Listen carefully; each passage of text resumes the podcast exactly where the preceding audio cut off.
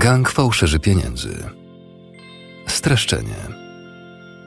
Tym razem z zimną krwią skandynawskie zbrodnie, które wydarzyły się naprawdę, opowiada o jednym z największych przypadków produkcji fałszywych pieniędzy, jaki kiedykolwiek miał miejsce w Danii. Wartość fałszywych dolarów wyniosła około 200 milionów koron, około 129 milionów 790 tysięcy 255 złotych. Małemu gangowi składającemu się z trzech osób i jednego cichego wspólnika udaje się wyprodukować ogromną ilość dolarów, tak podobnych do oryginałów, że nawet agenci amerykańskich służb specjalnych są pod wrażeniem ich jakości.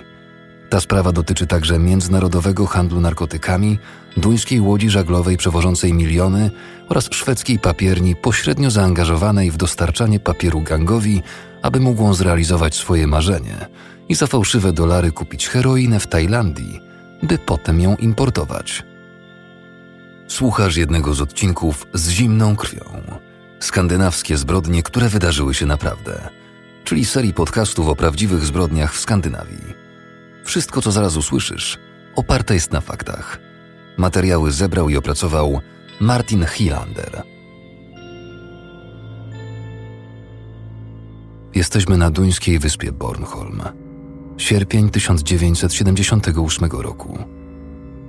Zapada noc, a policjanci prowadzą operację, którą planowali od wielu miesięcy. Funkcjonariusze ukrywają się w krzakach i za drzewami. Czekają na odgłos silnika samolotu. Wtedy ni stąd, ni zowąd w powietrzu rozlega się odgłos małej, jednosilnikowej Cessny.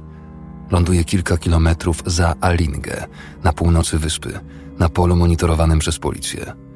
Po wylądowaniu samolotu i wyłączeniu silnika pilot zostaje aresztowany. Na pokładzie maszyny policja znajduje to, czego szukała. 55 kg haszyszu.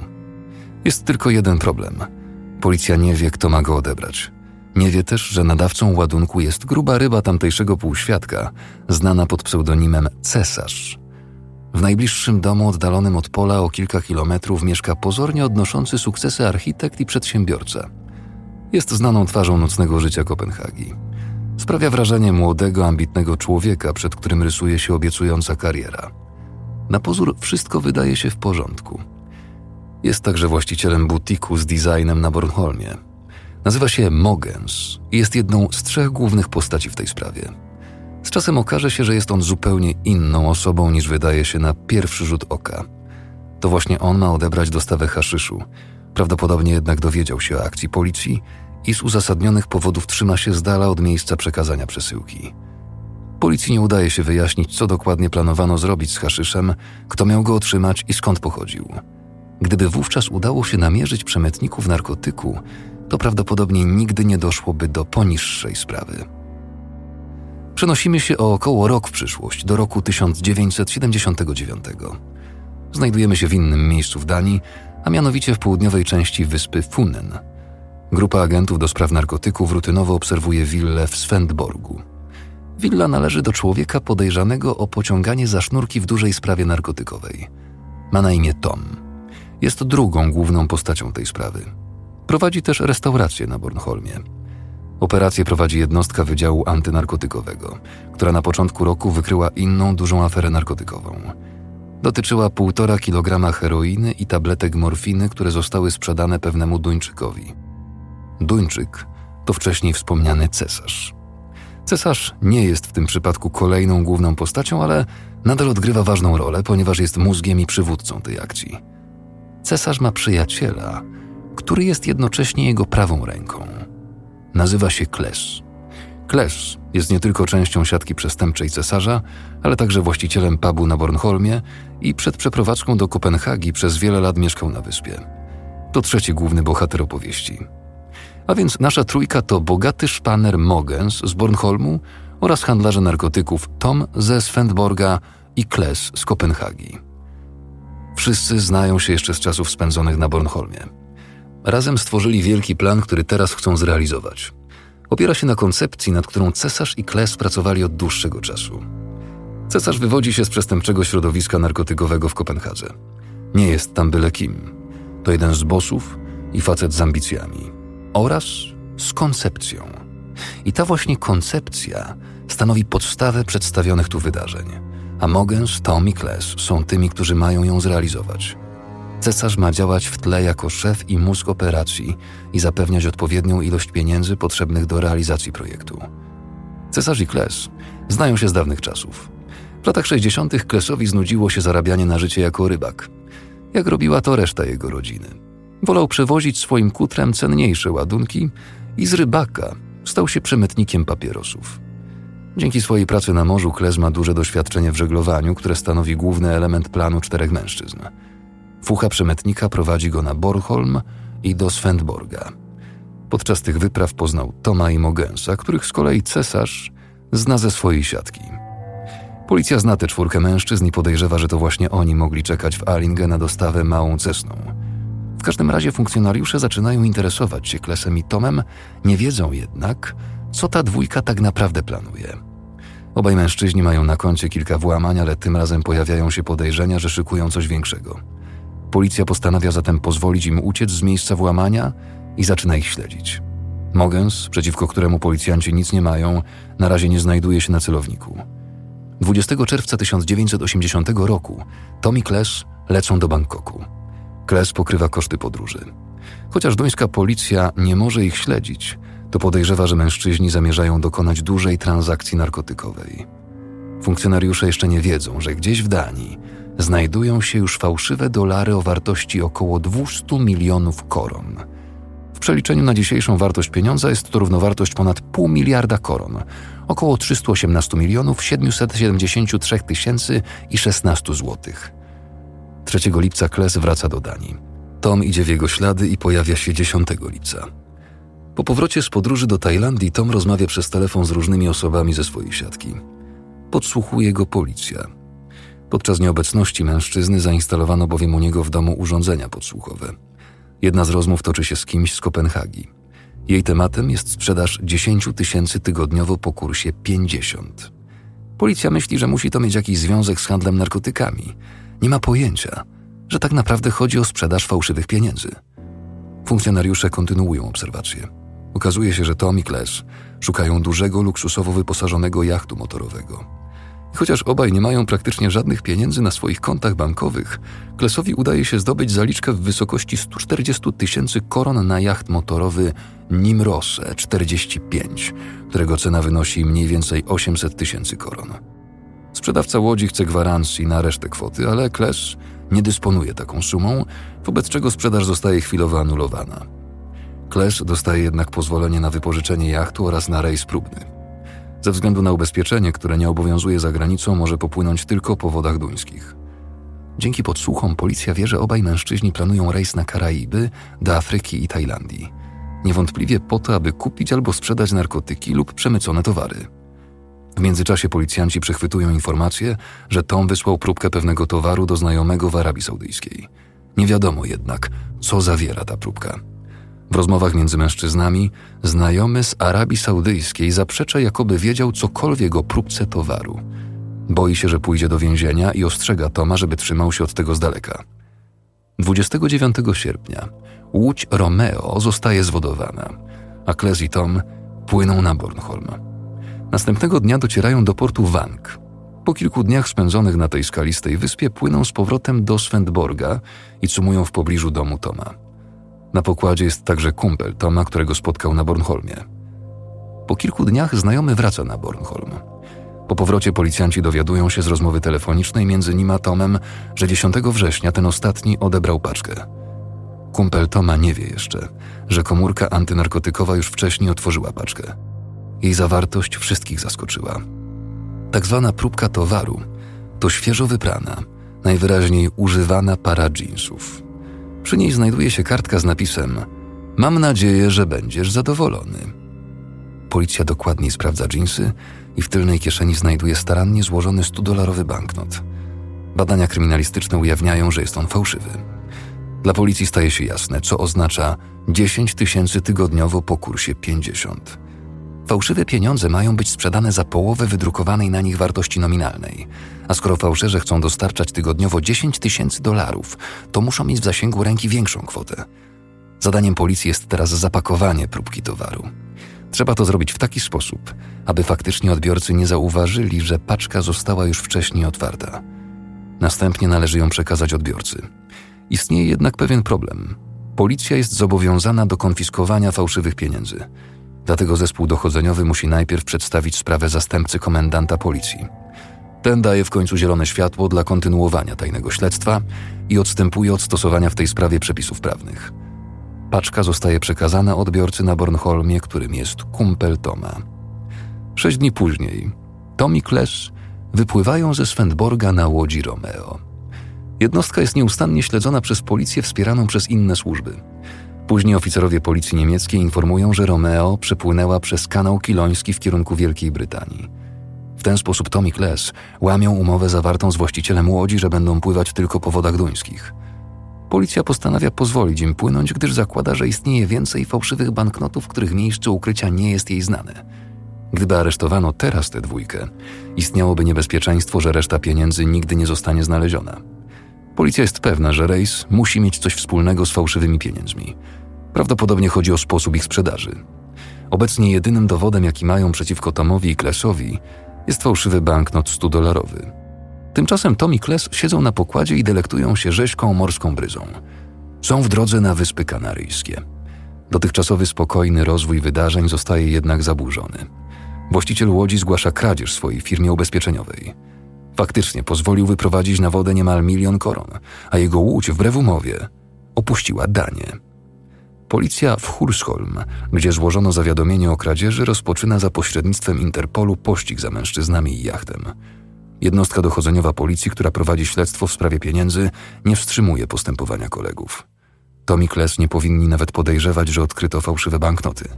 Z pewnością dziwiliby się, gdyby zgłoszono kradzież łodzi, a jednocześnie z jakiegoś powodu sprawę zignorowano. Po miesiącu spędzonym na morzu mężczyźni docierają w końcu do portu Los Cristianos na Teneryfie. Czeka tam na nich miejscowa policja. Duńscy policjanci śledzą przebieg akcji z dystansu. Aresztowany zostaje tylko Kles, ponieważ to on został oficjalnie zgłoszony jako kapitan jachtu. Nie dochodzi natomiast do zatrzymania Toma, który jest zdezorientowany i nie wie, co dalej robić. Policja śledzi go jednak po zmroku i mężczyzna najwyraźniej ma coś na sumieniu. Z pobliskiego portu ukradł ponton, na którym płynie do Romea, prawdopodobnie po fałszywe pieniądze, które według policji znajdują się na jachcie. Udaje mu się dostać do kabiny, ale kiedy wraca na pokład, Zostaje zauważony przez strażnika. Trafia do aresztu, ale już następnego dnia zostaje zwolniony. Pod pretekstem, że musi zabrać z pokładu kilka osobistych rzeczy, niezauważony przemyca z łodzi 80 tysięcy koron ze skrytki pod jedną sprycz. Ale to najwyraźniej nie wystarcza.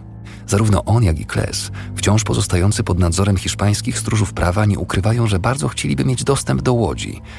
Jednak po wielu dniach negocjacji z hiszpańską policją Tom poddaje się i wraca do Svendborga, pozostawiając Klesa w Hiszpanii. W międzyczasie właściciel łodzi Romeo przybywa na Teneryfę. Pomaga policji przepłynąć jachtem na północną stronę wyspy do Santa Cruz. Policjanci chcą rozebrać Romea na części. Mają nadzieję na znalezienie dużej ilości fałszywych banknotów, które według nich znajdują się na pokładzie. Zaczynają działać w obecności właściciela jachtu, który sam również jest przekonany, że jednostka była używana do przemytu. Po zdjęciu obudowy i gruntownym przetrząśnięciu szafek, półek i komory silnika, policja niczego nie znajduje. Po kilku dniach bezskutecznych poszukiwań, duńscy funkcjonariusze muszą ponownie opuścić Teneryfę. Nowy plan zakłada śledzenie łodzi, jeśli dwóch mężczyzn będzie mogło dalej nią pływać. Właściciel jachtu jest jednak nadal przekonany, że na łodzi musi być coś ukryte. I tak panuje na niej ogromny bałagan. Mężczyzna kontynuuje więc poszukiwania. Jak się okazuje, nadal na próżno. Kilka dni później, 9 listopada, właściciel zabiera się za naprawę lamp na pokładzie. Za obudową zamocowanej na stałe szafki barowej znajduje się kabel zasilający. Kiedy mężczyzna za niego pociąga, słyszy głuchy odgłos. Znajduje ukrytą paczkę. Z zapałem zaczyna demontować szafkę. Rozbiórka zajmuje mu cztery godziny. Wówczas w pustej wnętrze znajduje kilka plastikowych toreb wypełnionych fałszywymi dolarami. Trafia też na naładowany rewolwer. Właściciel reaguje natychmiast i zgłasza znalezisko policji, która konfiskuje łódź i liczy pieniądze. W torebkach schowano 702 400 fałszywych dolarów amerykańskich, prawie 4 miliony koron, czyli w przeliczeniu na dzisiejszą wartość około 12 milionów koron. Po przeprowadzeniu dalszych badań kryminalistycznych policja odkrywa, że banknoty wydrukowano techniką offsetową na papierze bawełnianym wykonanym ze stuprocentowej bawełny. To ten sam materiał, którego używa się do produkcji oryginalnych banknotów. Sprawa powoli nabiera tempa. W Danii zostaje zatrzymany Tom. Zarówno on, jak i Kles, który nadal przebywa w areszcie na Teneryfie, zaprzeczają, jakoby cokolwiek wiedzieli o istnieniu fałszywych pieniędzy. Ważnych wskazówek dostarcza żona Toma.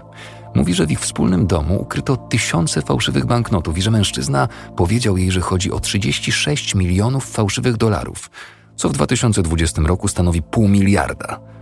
Policja jest oszołomiona ogromną ilością fałszywych pieniędzy. W Danii nigdy nie było przypadku fałszowania pieniędzy na taką skalę. Żona Toma nie jest oskarżona, chociaż wiedziała o wszystkich fałszywych pieniądzach. Poza tym jest w zaawansowanej ciąży i w każdej chwili może urodzić, więc aresztowanie jej w tym okresie byłoby problematyczne z prawnego punktu widzenia. Policja szczegółowo przesłuchuje Klesa i Toma. Ten drugi dość szybko przyznaje się do winy i potwierdza, że był zaangażowany w sprawę. Przed policją twierdzi, że to Kles zdobył fałszywe pieniądze, a wycieczka do Tajlandii była zwykłym urlopem. Policjanci mają już częściowe przyznanie się do winy, ale nadal brakuje większości z 36 milionów dolarów i nie mają konkretnych wskazówek, gdzie może znajdować się kryjówka. Nie wiedzą też, gdzie wydrukowano fałszywe banknoty. Brakuje też wskazówek dotyczących szerszego kontekstu. Aby dowiedzieć się więcej, funkcjonariusze sprawdzają wszystkie przeprowadzone w przeszłości policyjne działania obserwacyjne względem obu mężczyzn. Wskazówek może dostarczyć obserwacja z 18 czerwca. Tego dnia Kles jedzie swoim samochodem pod adres na przedmieściach Kopenhagi. Następnie z willi wychodzi nieznany mężczyzna i odjeżdża samochodem Klesa. Policyjny zespół obserwacyjny rutynowo filmuje mężczyznę. Funkcjonariusze postanawiają przesłuchać sąsiadów i inne osoby z okolicy. Dowiadują się, że do lipca 1980 roku w willi znajdowała się duża offsetowa drukarnia, a najemcą willi jest pewna firma. Mężczyzna, którego sfilmowano w samochodzie Klesa, to członek zarządu tej właśnie spółki. Okazuje się, że człowiekiem tym jest Mogens, szpaner i architekt, o którym usłyszeliśmy na samym początku. To właśnie jego dom znajdował się w pobliżu pola, na którym wylądował mały samolot z ładunkiem haszyszu. Kiedy Kles i Tom wypłynęli w rejs, on nadal realizował swoją część planów w willi na przedmieściach Kopenhagi. Po bliższym zbadaniu sprawy okazuje się, że wspomniana firma otrzymała w roku finansowym 1980 zwrot podatku VAT w wysokości 20 tysięcy koron z tytułu zakupu sprzętu i akcesoriów do druku offsetowego od duńskiej firmy Zballerup. Prasa i akcesoria zostały zakupione w marcu tego samego roku. Jednak w czerwcu 1980 roku sprzęt zostaje odkupiony przez firmę Zballerup. Kiedy przedsiębiorstwo otrzymuje prasę z powrotem, wygląda ona na niemalże nieużywaną. Co więcej, Mogens odsprzedał ją pierwotnemu właścicielowi za naprawdę niską cenę. Drukarnia jest tym nieco zdziwiona. Szczególnym łutem szczęścia dla policji okazał się fakt, że prasa offsetowa nadal znajduje się w firmie w Balerup i że nie była ruszana od czasu jej odkupienia. Kiedy Mogens ją kupił, była zupełnie nowa. Dzięki temu policja wie, że nie była ona używana przez nikogo innego do innych celów. Technicy kryminalistyki zaczynają ją skrupulatnie badać, gdyż ewentualne ślady użycia mogą pochodzić tylko z przedsiębiorstwa Mogensa. Ostatecznie eksperci znajdują resztki zielonej i czarnej farby drukarskiej. Są to dokładnie takie same kolory, jakie można zobaczyć na banknotach amerykańskich. Ponadto pozostałości papieru w maszynie składają się z papieru bawełnianego, również podobnego do surowca używanego do produkcji fałszywych dolarów. Policja kontynuuje śledztwo związane z prasą drukarską, szukając dowodów potwierdzających wykorzystanie jej do drukowania fałszywych banknotów. Po długim i intensywnym sprawdzaniu funkcjonariusze odkrywają, że pod jednym z resorów znajduje się kawałek papieru o powierzchni 1 cm kwadratowego z nadrukowanym na nim motywem. Pochodzi on z jednostronnie wydrukowanego, podrobionego banknotu. Mogens zostaje aresztowany i skonfrontowany z wynikami dotychczasowego śledztwa policyjnego. Wszystkiemu zaprzecza. Następuje przeszukanie domu mężczyzny, co jednak nie skutkuje żadnymi wskazówkami co do miejsca ukrycia dużej sumy pieniędzy. W ręce policji wpada natomiast pół banknotu o nominale jednego dolara. Okazuje się autentyczny i staje się ciekawą wskazówką, która doprowadzi śledczych za granicę kraju, do Tajlandii. Mogens wyjaśnia, że kupił prasę offsetową, ponieważ chciał rozpocząć działalność w branży drukarskiej po tym, jak zbankrutowała jego firma budowlana na Bornholmie. Policja nie wierzy jednak w wyjaśnienia mężczyzny i nadal oskarża go o udział w fałszerstwie. Funkcjonariusze utrzymują, że mają mocne dowody, które to potwierdzają. Mówią mu m.in., że dziwiło ich, w jaki sposób udało mu się legalnie zdobyć 105 tysięcy koron na zaliczkę na maszynę offsetową po tym, jak jego firma zbankrutowała. Ostatecznie Mogens zgadza się w końcu opowiedzieć tę niewiarygodną historię, jak zaczęła się cała akcja i jak wszystko jest ze sobą powiązane. On i Kles znają się od kilku lat. Mogens nie toleruje handlu marihuaną i innymi narkotykami. Zdecydowanie woli normalny biznes. Po bankructwie firmy budowlanej Mogens chce zająć się drukiem materiałów pornograficznych. Kles chce się przyłączyć. Ma większą wiedzę na temat druku offsetowego i fotoreportażu, ponieważ na Bornholmie był współwydawcą małej gazety. Jest to więc dla niego praktycznie bułka z masłem. Kles przybliża Mogensowi koncepcję cesarza związaną z produkcją fałszywych pieniędzy na wielką skalę. Zadaniem Mogensa jest teraz zdobycie papieru. Dowiaduje się, że w szwedzkim mieście Tumba znajduje się fabryka produkująca papier, taki, którego używa się m.in. do produkcji szwedzkich banknotów. A z technicznego punktu widzenia szwedzkie banknoty mają w owym czasie wiele cech wspólnych z banknotami amerykańskimi. Kles zapewnia mu pieniądze na opłacenie zakupów. Następnie Mogens jedzie do Sztokholmu, gdzie nawiązuje kontakt z ambasadą Królestwa Niderlandów. Postępuje zgodnie z planem. Z ambasady pożycza książkę telefoniczną, by znaleźć nazwę papierni z Amsterdamu. Van Haverkamp. Następnie udaje się do Tumby. W fabryce w Tumbie przedstawia się jako przedstawiciel firmy z Amsterdamu i po angielsku prosi o pozwolenie na przyjrzenie się przedsiębiorstwu.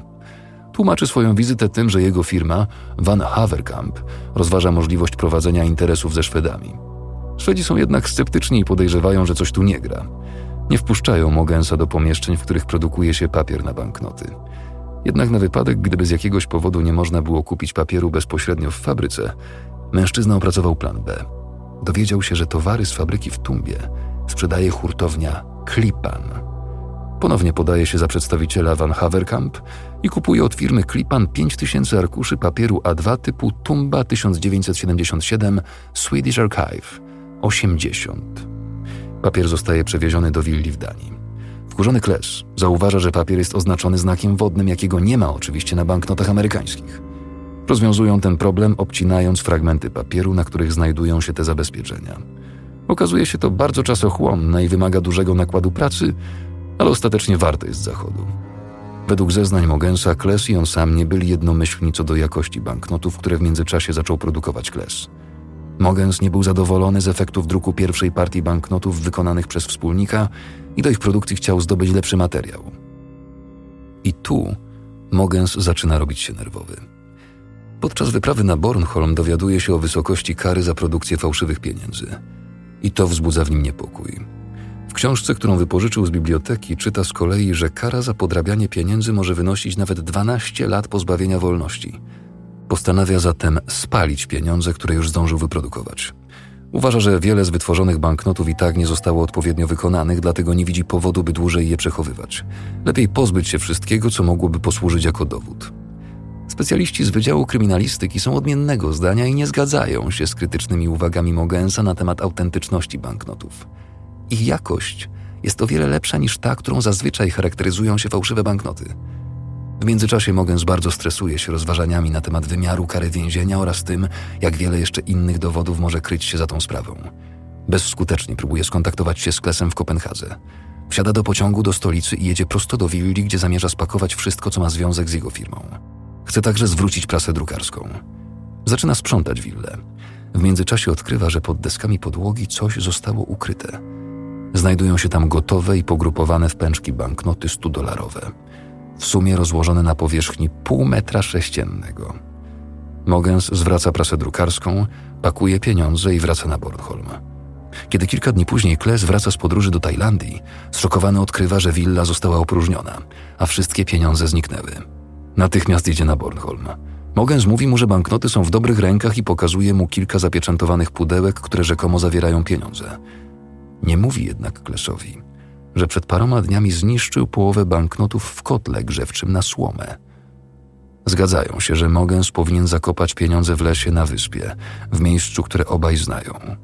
Następnie widzą się dopiero po tym, jak Kles i Tom przypływają łodzią Romeo do portu w Wang. Dzięki zeznaniom Mogensa policja ma teraz prawie pełny obraz sprawy. Ale tylko prawie. Do zamknięcia śledztwa brakuje jeszcze dwóch ważnych informacji.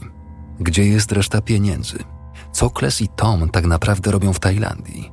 I czy Kles, Tom i Mogens są rzeczywiście jedynymi osobami zaangażowanymi w to przedsięwzięcie, czy też może mamy do czynienia z jakimś mózgiem całej operacji? Mogens mówi policji, że wie, gdzie jest zakopane 15 milionów. Chce jednak, aby Kles miał możliwość przeniesienia się z hiszpańskiego więzienia do Danii, tak aby sam mógł doprowadzić policję do miejsca, gdzie są zakopane.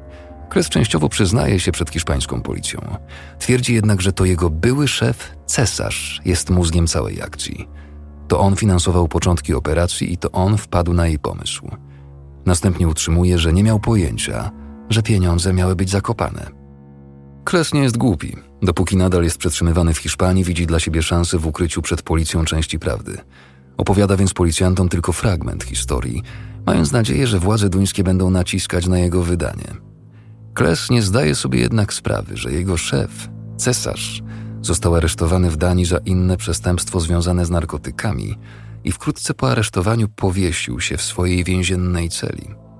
Po przesłuchaniu Klesa hiszpańska policja informuje go, że cesarz popełnił samobójstwo. Mężczyzna uświadamia sobie, że teraz, gdy cesarz wypadł z gry, to właśnie jego będą uważać za głównego przywódcę całej akcji. W domu w Danii Mogen skoryguje swoje oświadczenie i twierdzi, że nie zakopano 15 milionów. Z jego nowego oświadczenia wynika, że chodzi o mniej niż połowę. Na początku tylko wspomniał o 15, aby wzbudzić zainteresowanie policji. Tymczasem jest to nieco ponad 7 milionów dolarów amerykańskich – Zostały one ponadto zakopane w dwóch różnych miejscach. Nie pamięta dokładnie gdzie, ale chętnie spróbuje je odnaleźć. Z pomocą mapy policjanci identyfikują dwa miejsca, gdzie zakopano pieniądze. Po intensywnych poszukiwaniach udaje się odnaleźć w ziemi na skalistej wyspie łącznie 25 tysięcy fałszywych banknotów amerykańskich i kilka zniszczonych płyt drukarskich.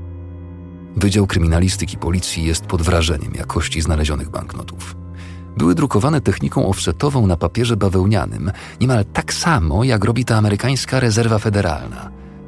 W przypadku przestępstw polegających na fałszowaniu dolarów amerykańskich zawsze angażowane są amerykańskie służby specjalne United States Secret Service. Zdaniem amerykańskich specjalistów wiele z tych banknotów mogłoby z łatwością uchodzić za prawdziwe. Nawet bardzo małe błędy można było rozpoznać tylko dlatego, że wiedziano, iż banknoty są fałszywe – Urzędnik duński, który w znacznym stopniu zajmuje się tą sprawą, chce przekonać się o słuszności tego przypuszczenia i próbuje wymienić część fałszywych dolarów w miejscowym banku. Rzeczywiście, udaje się to bez żadnych problemów. W październiku Kles zostaje uznany przez hiszpański sąd za winnego fałszerstwa pieniędzy. Dostaje karę trzech lat pozbawienia wolności i grzywnę w wysokości 4 milionów koron. Sąd nie uważa jednak za udowodnione, jakoby Kles zamierzał w Hiszpanii sprzedać te pieniądze. W związku z tym wyrok jest stosunkowo łagodny. Na tym etapie hiszpański wymiar sprawiedliwości nie kończy jednak postępowania. Hiszpański Sąd Najwyższy ponownie rozpatruje sprawę i w tym przypadku fakty są już interpretowane nieco inaczej, a sąd ostatecznie skazuje Klesa na 12 lat więzienia. Ale i tu sprawa jeszcze się nie kończy. Śledztwu i jego wynikom uważnie przygląda się amerykański Secret Service – Amerykanie wraz z kolegami z duńskiej policji chcą ustalić, co Kles i Tom właściwie robili w Tajlandii. Jak się okazuje, dwaj Duńczycy byli w bliskim kontakcie z mężczyzną zamieszkałym w Tajlandii, a posługującym się językiem angielskim. Doszło między nimi do kilku spotkań. W maju 1981 roku władze Tajlandii aresztują Mike'a Maloneya, Kanadyjczyka, jest on jedną z niewielu osób z Zachodu mających bezpośrednie powiązania z hodowcami opium w ówczesnym rejonie Złotego Trójkąta. Na powiązania te trafił dzięki rodzinie swojej miejscowej żony. To właśnie z nim kontaktowali się Kles i Tom. Maloney jest świadomy, że jego udział w przestępstwach narkotykowych może skutkować bardzo surową karą. Dlatego szczególnie chętnie przystępuje do rozmowy z Secret Service i zgadza się powiedzieć wszystko, co wie o Klesie i Tomie.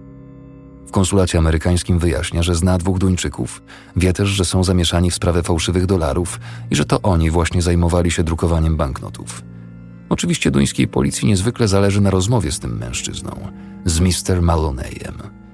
Problem polega jednak na tym, że Secret Service ma prawo do pierwszeństwa w przesłuchaniu Mr. Maloneya, ponieważ, choć jest on Kanadyjczykiem, ma również obywatelstwo amerykańskie. Jednak Wydział Secret Service odpowiedzialny za sprawy tajskie znajduje się na Hawajach. Ta okoliczność utrudnia władzom krótką wizytę w Tajlandii w celu przesłuchania podejrzanego. Dlatego agenci amerykańscy zawierają porozumienie z duńską policją. Z Paryża wysyłają do Tajlandii swoich przedstawicieli, aby ci wspomogli Duńczyków. W grudniu 1981 roku udają się zatem do Tajlandii, gdzie przed przesłuchaniem spotykają się z kolegami z Secret Service. Podczas przesłuchań Maloney opowiada, że otrzymał 11 tysięcy fałszywych dolarów od Toma, który poprosił o ich spieniężenie. Duńczyk zdradził mu również, że w przyszłości byłby zainteresowany kupnem za fałszywe dolary heroiny, gdyby Maloney mógł to zorganizować. Za kilogram heroiny ustalają cenę miliona fałszywych dolarów. Tom wyjaśnił ponadto Maloneyowi, że ma do dyspozycji nieograniczone środki finansowe. Zadaniem Maloneya jest m.in. nawiązanie kontaktu z producentami narkotyków w Złotym Trójkącie. Na potrzeby przyszłej identyfikacji rozrywają jeden banknot na pół i zatrzymują po połowie. Jeśli chodzi o pieniądze, Maloney nie ma szczęścia. Podczas próby wymiany 200 banknotów zostaje zatrzymany. Próbował je sprzedać dwóm policjantom. W zamian za uwolnienie musi przekupić policjantów pozostałymi fałszywymi pieniędzmi, złotą biżuterią i tysiącem batów. Opowiada o tym Tomowi, który nagle spieszy się, aby wrócić do Danii. Mężczyźni postanawiają pozostać w kontakcie w sprawie heroiny. Maloney wysyła później do Toma list z prośbą o testowe banknoty o wartości tysiąca dolarów, ponieważ udało mu się dotrzeć do producentów heroiny. Ale Duńczycy nie dają o sobie znać. Wkrótce potem Maloney zostaje złapany z 400 gramami heroiny i aresztowany. Zostaje za to skazany na 33 lata i 6 miesięcy więzienia. Wyrok później skrócono o całe dwa miesiące. Przy okazji tajska policja znajduje drugą połowę banknotu. Żona Maloneya potwierdza zeznania męża złożone duńskiej policji i Secret Service. Kobieta pracuje jako tancerka go-go w klubie nocnym, a funkcjonariuszom umożliwiono jej przesłuchanie dopiero po zapłaceniu klubowi za utracone dochody w związku z jej nieobecnością. Pierwsze wyroki zapadają również w Danii, choć są one znacznie krótsze niż 12 lat Klesa w Hiszpanii i 33 lata Maloneya w Tajlandii. Mogens zostaje skazany na 5 lat więzienia, Tom na 7. Podczas śledztwa oskarżeni wielokrotnie wspominali, że wydrukowano 36 milionów fałszywych banknotów amerykańskich. Podobno były one tak wysokiej jakości, że nawet agenci Secret Service twierdzili, że można je pomylić z prawdziwymi banknotami. Do tej pory udało się odnaleźć tylko ich niewielką część. Można więc zadać sobie pytanie, czy gdzieś na duńskiej wyspie Bornholm, pod ziemią, nie kryje się przypadkiem mała fortuna w fałszywych pieniądzach. Kto wie? Wystąpił Filip Kosior